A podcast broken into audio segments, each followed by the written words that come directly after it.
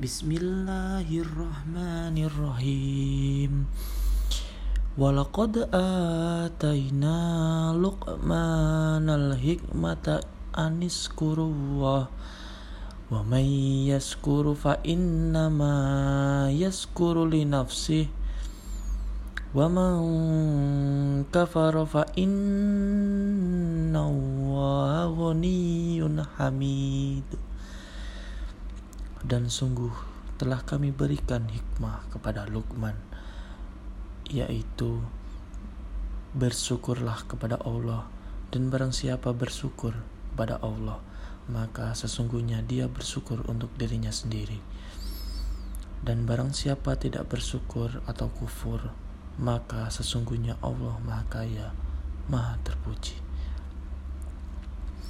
وإذ قال لقمان لابنه وهو يعده يا بني يا بني لا تشرك بالله إن الشرك لظلم عظيم dan ingatlah ketika Luqman berkata kepada anaknya ketika dia memberi pelajaran kepada anaknya Wahai anakku, janganlah engkau mempersekutukan Allah.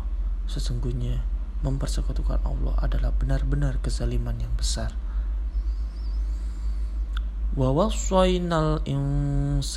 Biwalidayhi hamalat hu ummuhu wahnan ala wahni wa fisaluhu fi amaini fi amaini anis kurli wali walidaik ilayyal masir dan kami perintahkan kepada manusia agar berbuat baik kepada kedua orang tuanya. Ibunya telah mengandungnya dalam keadaan lemah yang bertambah-tambah dan menyapihnya dalam usia dua tahun. Bersyukurlah kepadaku dan kepada kedua orang tuamu, hanya kepada aku kembalimu. وإن جاهداك على أن تشرك بي ما ليس لك ما ليس لك به علم فلا تطعهما فلا تطعهما وصاحبهما في الدنيا معروفا wattabi' sabila man ana bali ilayya summa ilayya marji'ukum fa unabbi'ukum bima kuntum ta'lamun dan jika keduanya memaksamu untuk mempersekutukan aku dengan sesuatu yang engkau tidak mempunyai ilmu tentang itu maka janganlah engkau menaati keduanya dan pergaul Pergaulilah keduanya di dunia dengan baik dan ikutilah jalan orang yang kembali kepadaku. Kemudian hanya kepadaku tempatmu kembali. Maka akan aku beritahukan kepadamu apa yang telah kamu kerjakan.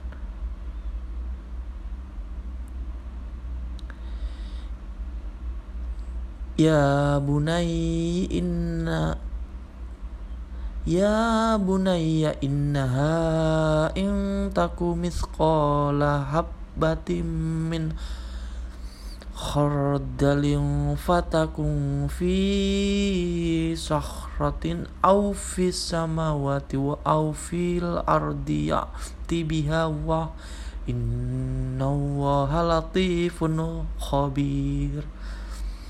Lukman berkata, Wahai anakku, sungguh jika ada sesuatu perbuatan seberat biji sawi dan berada dalam batu atau di langit atau di bumi, niscaya Allah akan memberinya balasan. Sesungguhnya Allah maha halus, maha teliti. Ya bunayya aqimis salata wa mur bil ma'rufi wanha 'anil munkari wasbir ala ma Inna dzalika min azmil umur. Wahai anakku, laksanakanlah sholat dan suruhlah manusia berbuat yang makruf dan cegahlah mereka dari yang mungkar dan bersabarlah terhadap apa yang menimpamu.